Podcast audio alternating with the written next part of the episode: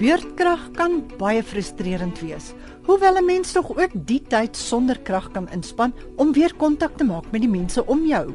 Vir baie mense is dit eintlik 'n onverwagse pluspunt. Een besliste nadeel is wel dat huishoudelike items wat met krag werk, lelik kan skade opdoen as die krag weer aangaan en daar 'n skielike stuwing van elektriese toevoer voorkom. Daar is nie veel wat ons aan beurtkrag kan doen nie, maar jy kan jou huishoudelike toerusting beskerm deur te sorg dat jou huishoudelike versekering op datum is. Goeiemiddag, ek is Helen Ukerman en 'n hartlike welkom by vandag se uitsending van Rand en Sent hier op RSG 100 tot 104 FM. Later in die program praat ek met Andre Venter van die vakbond Joasa oor mense wat hulle pensioengeld gaan opeis uit vrees dat die staat se pensioenhervormingsplanne vir hulle 'n bedreiging inhou. My ateljeegas vanmiddag is Elmarie Twilly en sy is die woordvoerder van die korttermynversekeraar Verseker. Lekker om jou weer hier by ons te hê Elmarie. Baie dankie Helen en dankie vir die uitnodiging. Elmarie, hoe lyk dinge daar in die korttermynversekeringswêreld? Kry hulle baie eise wat verband hou met skade as gevolg van beurtkrag? Ja, definitief Helen, ons het 'n definitiewe toename vir eise vir huishoudelike items spesifiek ervaar um in die afgelope tyd vandat beurtkrag toegepas word. Weet jy, voor ons nou verder praat, kom ons verduidelik net gou weer die verskil tussen langtermyn en korttermynversekering. Doodreg. So korttermynversekering is tipies jou huishoudelike inhoud van jou huis, jou geboue, jou motorvoertuig wat jy elke dag bestuur en dan langtermyn kyk ons na lewensversekering ensovoorts. Presies wat behels huishoudelike versekering? Wat is alles daarbey betrokke en het ons dit regtig nodig? Absoluut. Vandag in Suid-Afrika is dit 'n noodsaaklikheid. Huishoudelike versekering of huishoudelike inhoudversekering. Die maklikste manier om dit te verduidelik is om letterlik dink jy neem jou dak af van jou huis en jy draai jou huis onderste bo en alles wat uitval dan moet verseker word en dis jou huisinhoudversekering. So indien jy dit nie verseker nie, staan jy wel die risiko dat daar asdal by jou ingebreek word. Jy of self moet terugbetaal vir daai skade wat dan aangerig is of die items wat vervang moet word. Um en dis nog 'n groot risiko vandag vir alles jy nie geld het um om eers vir versekeringspolisse te betaal nie, dan nog om geld uit te haal om goederes te vervang. Ja, so ons raai definitief aan dat mense huishoudelike inhoudversekering uitneem. Ja, want dit is nogal baie mense se standpunt dat hulle sukkel, hulle het nie geld vir daardie polis nie. Dis doodreg, maar hoe gaan hulle dan hulle items vervang indien daar dan ingebreek word in die huis en dit gesteel word? Dit is die vraag. En wat van waardevolle items, soos jou kamera of juwele? Ja, so waardevolle items wat op 'n gereelde basis uit die huis uitgeneem word, moet spesifiek gespesifiseer word op polis.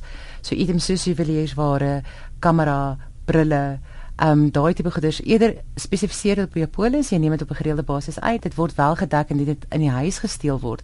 Maar sodra jy dit uitneem uit jou huis uit, moet jy daai spesiale dekking hê daarvoor. Soos jou skootrekenaar, jy kan by die huis op hom werk, maar die oomblik wat jy hom in jou kar sit en iewers heen ry, en jy's 'n ongeluk of jou kar word gesteel, dan is daardie skootrekenaar nie verseker as dit nie gespesifiseer is nie. Dis doodreg.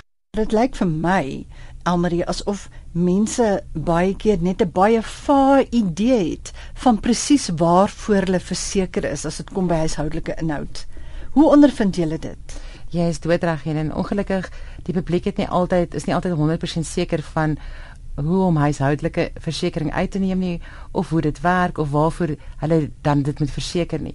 So baie mense is onseker oor die bedrag. Jy weet waarvoor hulle hulle huis moet verseker, hoeveel sal voldoende wees in tye van 'n eis dan? Ek dink wat baie keer gebeur is dat die versekeraar sê vir jou nou luister, wat is die waarde van jou huisinhoud? En dan dink jy so vinnig dan sê jy ag so 100 000 rand en jy tel so gou jou sitkamerstel en jou TV en jou bed en jou twee stoele bymekaar, maar eintlik as mens regtig mooi gaan kyk, dan het jy eintlik verskriklik baie goed wat jy besit wat jy nie eers dadelik aan dink nie. Nou hoe voorkom 'n mens dat jy jouself onderverseker deur halwe inligting te gee? Weet jy Helen, die maklikste manier is om te gaan kyk hoeveel kos daai items vandag. So 'n mens moet net maar 'n bietjie tyd spandeer daaraan om te gaan kyk in koerante en advertensies in die winkels rond te kyk en dan self daai groot items soos jou TV's en een of twee TV's of 'n um 'n mikrogolfoond, daai items bymekaar te gaan tel en te gaan kyk die waarde wat dit vandag is. Hoeveel gaan dit ons kos om vandag daai items te vervang? So alhoewel jou sitkamerstel dalk 25 jaar oud is, ons gaan nie vir jou 'n uh, 25 jaar ou sitkamerstel gee wanneer daar ingebreek word in die huis nie om hom te vervang nie. Ons gaan vir jou splinter nuwe ene vervang. So dit moet altyd wees oud verniet. So wat gaan dit kos om my ou sitkamerstel as my huis verspoel of afbrand te vervang met 'n splinter nuwe een vandag? Teen vandag se vervangingswaarde. Teen vandag se vervangingswaarde.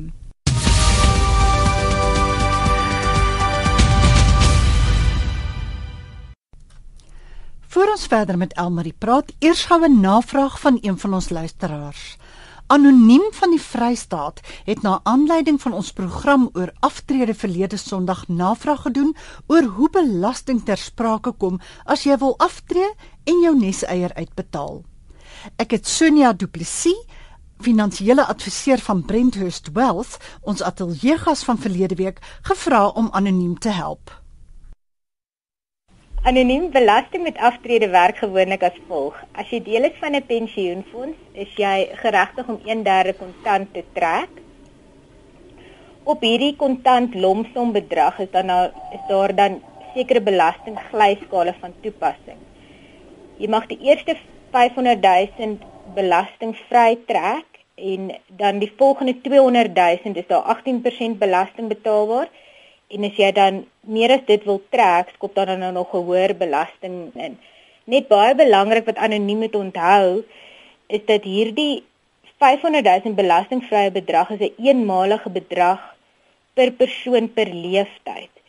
So dit sluit nie in dat ehm um, mense van verskeie produkte hierdie 500 000 kan onttrek nie. Dit is regtig waar net per persoon per leeftyd.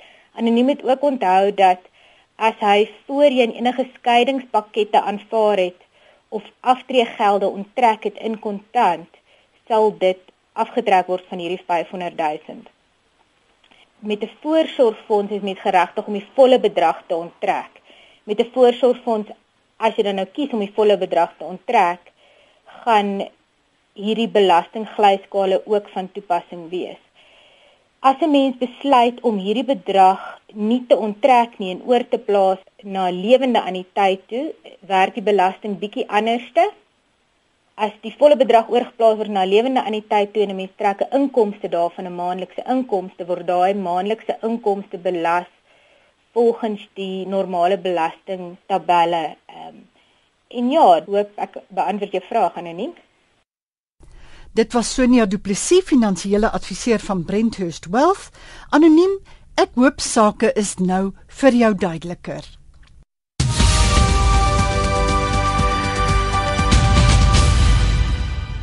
Jy luister na Rand en Sent met Helen op RSG 100 tot 104 FM en ons ateljeegas vandag Elmarie Twilly, woordvoerder van die korttermynversekeraar Verseker. Onthou jy kan hierdie program aflaai in MP3 formaat van RSG se webtuiste rsg.co.za as jy weer 'n slag wil luister. Aan die einde van die program gaan ons Elmarie se kontakbesonderhede gee. Hou dus daardie pen en papier gereed. Elmarie, kom ek en jy gesels verder. Hoe gereeld moet ek my korttermynversekering op datum bring? Helen, ons stel voor dat jy so gereeld as op 'n 6 maandelikse basis daarna kyk om te verseker dat jy wel korrek verseker is. Um 'n mens koop op 'n maandelikse basis nuwe goederes by vir die huis, potte, panne, 'n nuwe TV, miskien oor Kerstyd of as jy vir jaar kry jy nuwe juweliersware. So op 'n gereelde basis moet jy nagaan om seker te maak dat jou huis en jou versekerings op datum is teen die korrekte vervangingswaarde. So Amarie, jy het nou-nou gepraat oor waarom korttermynversekeraars soms nie die volle vervangingsbedrag van 'n versekerde item uitbetaal nie. Soos byvoorbeeld jy's onderverseker en daardie bank wat jy gekoop het, het jou miskien R8000 gekos 10 jaar gelede, maar nou kos hy R20000 en die versekeraar betaal jy dan nou net uit vir dit waarvoor jy verseker is. En dit beteken dus dat ons moet seker maak dat alle huishoudelike items verseker is teen vandag se pryse of dan nou die vervangingswaarde. Maar hoe doen 'n mens dit? Maak jy lysies van alles in jou huis of hoe sal jy voorstel moet 'n mens te werk gaan? Dit is baie belangrik om inventaris te maak van alle huishoudelike items. Ons het vroeër gepraat van as jy jou huis kan omkeer en die items wat uitval, dit is wat jy dan moet verseker. So daai items moet op 'n inventarislys um opgestel word en gereeld nagegaan word en opgedateer word om dan nuwe items dan by te voeg en ou items af te haal. En mense dink nie altyd aan alle items wat verseker kan word nie. Soos byvoorbeeld elektroniese toestelle, jou yskas, jou pot en jou panne, jou kookgerei, jou TV, enigiets waarna jy kan dink waar jy wat jy moet oppak en iewers heen trek, moet kan saamvat met basis op daai inventarislys opgedateer word. In jou stoof, in jou oond. Ek ek sit nou en dink as jy jou as jy die dak afhaal soos jy sê jy keer jou huis om, dan dink ek nie myne gaan uitval nie want hy's al ingebou, maar dit is ook korttermynversekering, is dit nie? Die is so stoof, 'n ingeboude item, so hy's gaan hy gaan heel moontlik nie deel vorm van jou huis in 'n dekking nie. Maar indien 'n yskas byvoorbeeld as jy 'n yskas wil wat losstaande is, daai items moet definitief op jou inventarislysie bygevoeg word. So sal jy voorstel dat mens byvoorbeeld nou deur elke vertrek in jou huis loop en doen net maar daai moeite en sê hier is my slaapkamer, wat het ek alles hier? Ek het 'n kas vol klere. Ek het dalk 'n man of 'n vrou, 'n lewensmaat, hulle klere is daar, daar's beddegoed, daar's 'n bed, daar's dalk 'n stoel, daar's 'n speeltafel, daar's los matte. Definitief. Daar's dalk 'n TV en 'n rekenaar. So moet 'n mens kyk en dan net daai lys maak en dan gaan jy dan en kyk wat is die vervangingswaarde en jy skryf dit maar langs aan. Definitief Helen. So baie mense trek in 'n plek in en jy voeg by op 'n maandelikse basis en jy kom egter nie regtig agter hoeveel jy byvoeg nie. So dis maar moeite wat jy moet doen die eerste keer om jou inventarislysie op te trek, maar van daar af is dit maar net byvoeg soos wat jy aangaan. Maar om seker te maak dat jou huis en dekking voldoende is, stel ons voor dat jy nou maar deur daai moeite gaan. Trek jou lysie op, gaan deur elke liewe item skryf dit op en dan kyk maar na advertensies soos ons vroeër genoem het in koerante enige plek om seker te maak dat jy vervangingswaarde om en by is waarvoor jy betaal het of wat jy nou is daarvoor sal betaal om dit te vervang. Soos een keer groot werk en daarna elke 6 maande dan pas jy net die lys bietjie aan.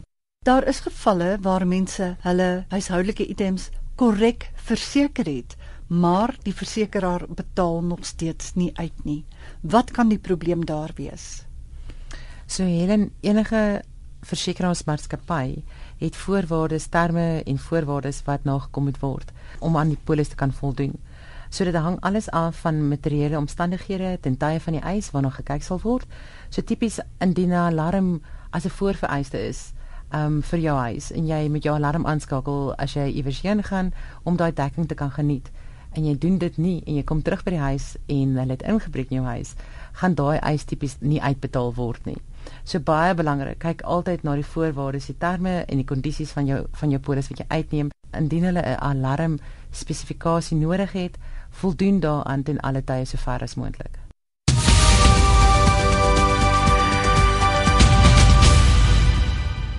Jy luister nog na Rand en Sent hier op RSG en dit is natuurlik op 100 tot 104 FM.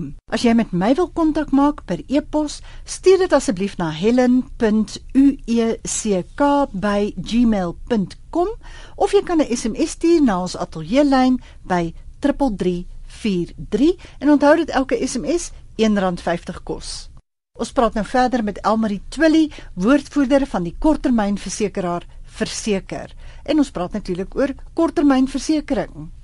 Kom ons praat spesifiek oor beurtkrag. Wanneer daar 'n kragonderbreking is, dan is sekuriteitstelsels en elektriese heininge tensy dan natuurlik nou 'n ondersteunende batterystelsel is, dikwels af. So die vraag is, indien hulle by jou huis inbreek tydens 'n kragonderbreking, sal 'n korttermynversekeraar uitbetaal. Soos vroeër genoem is die voorwaarde in meeste versekeringspolisse dat die huisalarm ten alle tye aangeskakel moet wees wanneer jy nie tuis is nie. So indien die krag af is, sou kliënt teoreties dan nou geen dekking hê nie. Maar indien jou huis 'n versekering het en daar word by jou huis ingebreek tydens beerkragonderbrekings, sal die meeste versekeringsmaatskappye wel beginsels van redelikheid en regverdigheid toepas in die evaluering van jou huis dan. En wat gebeur as jou kos sleg geword het en jou yskas en jou gefriesde kos ontdooi tydens so 'n uh, kragonderbreking? Oor die algemeen dek die meeste korttermynversekeringsmaatskappye wel wanneer 'n elektriese toestel um, aangeskakel word as gevolg van kragonderbreking indien die kos af is. Is daar gewoonlik 'n um, vaste bedrag wat uitbetaal word vir die inhoud van 'n uh, yskas of 'n vrieskas? Daai vaste bedrag verskil van versekeringsmaatskappy tot versekeringsmaatskappy. So natuurlik binne in jou terme en voorwaardes, um, of in jou skedule sal daai bedrag dan gespesifiseer wees. Dis toegevoegde waarde van die versekeraar af. So jy hoef dit glad nie te spesifiseer nie. Die toegevoegde waarde van die versekeraar af word gespesifiseer dan wat hulle bereid is om te betaal tot op 'n maksimum bedrag.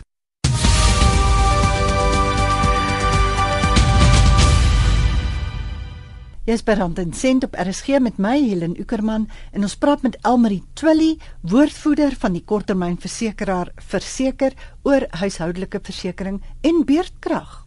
Elmarie, ons het vroeër verwys na kragstuwings. Wat gebeur eintlik in so 'n geval met die toerusting wat daardeur geraak word? Helen, oor die algemeen korttermynversekeraars bied dekking vir wanneer kragstuwings wel plaasvind.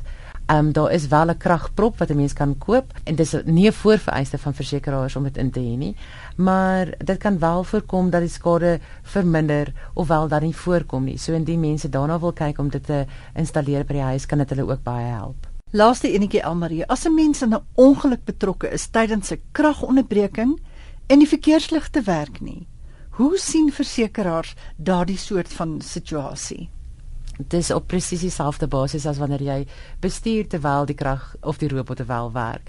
So ons beveel aan mense ry net baie versigtiger, gehoorsaam die patrouilles en veral wanneer daar die robot dan nie werk nie om 'n vierrigting stop dan daarvan te maak en maar met meer versigtig te wees en oplettend te wees tydens kragonderbrekings dan. Almarie, waar kan ons jou kontak? Helen, die luisteraars kan ons kontak by www.verseker.co.za of SMS die woord verseker na 43925 of dan ook ons skakel op 0861 007 530. Goed, so hulle kan of gaan kyk op julle webwerf by www.verseker en dit is nou V U R seker www.verseker.co.za of jy kan die woord verseker SMS na 43925 5 Toe trasser die kliënt kan 'n SMS stuur, ons tel sy telefoonnommer op en ons skakel die kliënt dan terug. En dan natuurlik kan jy ook direk bel by 0861 007 530. 0861 Elmarie baie baie dankie. Baie dankie Helen en mag jy krag vir ons aanbly.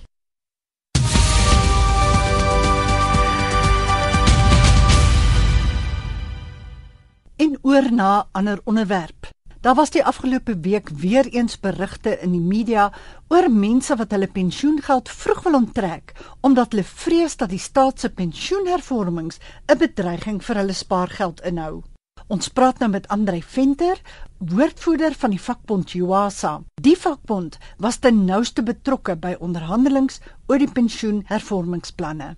Die rede hoekom uh, mense hulle pensioene onttrek en dit is tog jammer dat dit gebeur. Baie mense raak vasgevang in 'n spiraal van skuld of hulle wil net graag geld in die hande kry om 'n motorkar te koop of om 'n motorfiets te koop of om meubels te koop of om iets te koop. Hulle het 'n behoefte daaraan om geld in die hande te kry en dan uh, is dit vir hulle baie maklik uh, of dit raak vir hulle baie maklike tyd in om dan uh, navraag te doen by die pensioenfonds wat hulle fondskrediet is in die pensioenfonds. Hulle sal berge versit om daardie geld in die hande te kry sodat hulle dit kan spandeer.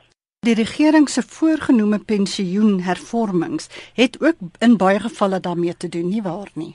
Nie heeltemal nie. Ehm um, daai uh, ongelukkig het daar baie wanpersepsies ontstaan rondom aftreebeplanning en hervorming wat die staat van stapel gestuur het. Wat die hervorming uitsluitlik ten doel het, is juis om seker te maak dat mense spaar, dat mense 'n uh, voorsiening maak vir aftrede En die laaste ding wat hulle wou doen is juist die reaksie wat nou kom dat mense gaan en ehm um, jy weet ongelukkig is dit so mense staan om braaivleisvure en die bosadvokate as 'n mens hulle so kan noem of slim familielede hulle sal baie maklik vir jou wil oortuig en sê maar jong hierdie regering van ons hulle gaan nie pensioengeld van ons vat. Hulle dra dit oor met groot oortuiging dit is net wat mense wat sommige mense wil hoor en wat hulle dan daai finale besluit laat neem ek gaan nie kans vat nie ek gaan nou maar liewer my pensioengeld onttrek maar die staat wil jy sê mense moet spaar en hulle wil jy sê dat trustees mooi na mense se uh, pensioengelde moet omsien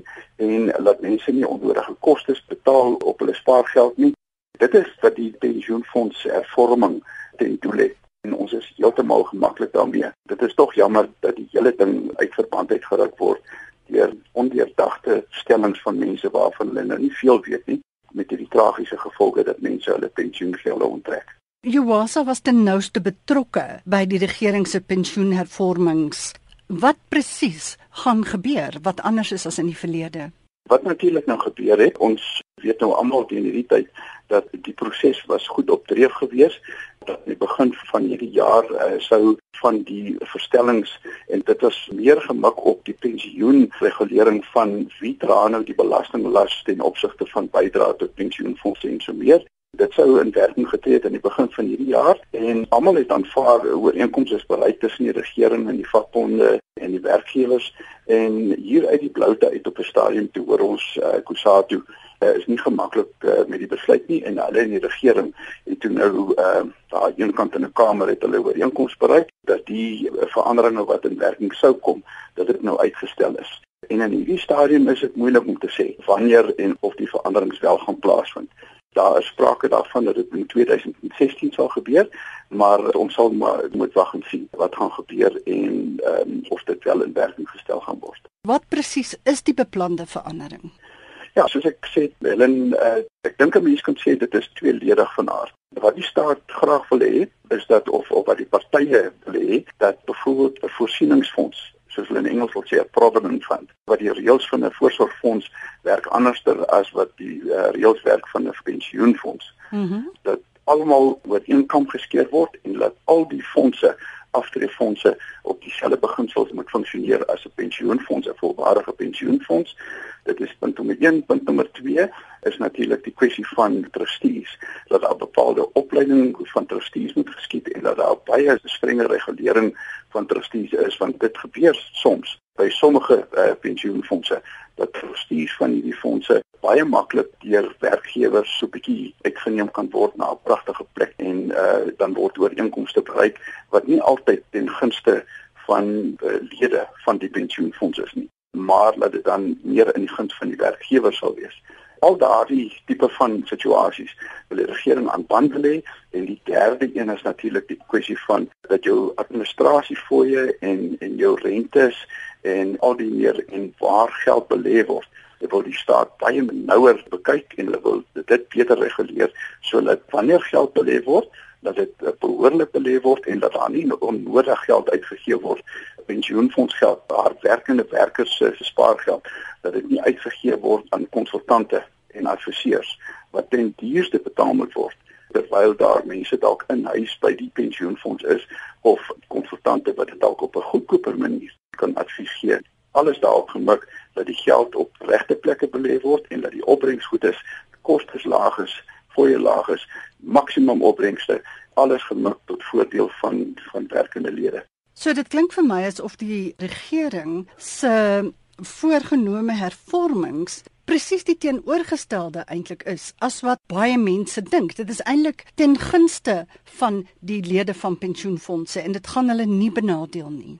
Dit bring my terug by wat ek reg aan die begin gesê het, Helen, dat die staat se oogmerke is ons heeltemal gemaklik weet dat dit edele uh, intensies is dat daar regtig nie snaakse gedagtes is dat hulle die geld wil vat en by bepaalde plekke gaan belê en so meer nie. Dit is heeltemal goeie intensies wat die staat het om tot die beste voordeel van werkende lede op te tree want uh, alles sit met die uitdaging as mense nie voorsiening maak vir aftrede nie dan wanneer dit by aftrede kom en mense kan nie 'n pensioen trek nie dan moet die staat natuurlik uit die fiskus uit 'n staatspensioen betaal hmm. om hulle aan die gang te hou en om hulle lewe te bou. So dit is die groot rede hoekom die staat hierdie ding doen. So heeltemal edele intensies glad geen ander redes wat ons kon bespeer nie as gevolg van dit wat om ons aangaan elke dag met korrupsie en so aan is daar die geloof onder sommige mense en wat hulle feitensheid gaan verkondig het dat mense gegaan het en roekeloos swak besluite geneem het hulle pensioen gaan aantrek het kan jy vir jouself dink en mag dit nog net sê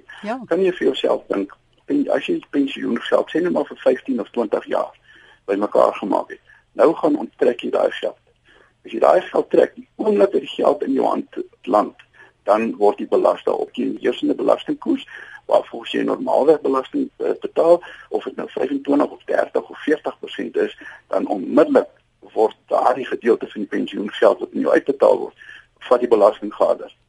So onmiddellik as jy van die pot geld wat jy gedink het jy gaan kry, is daai persentasie klaar weg. So as jy dalk nou agterna sodra jy die geld ontvang het, en jy besluit nou anders nou sê ja ek het 'n fout gemaak ek moet die geld terugsit in die pensioenfonds.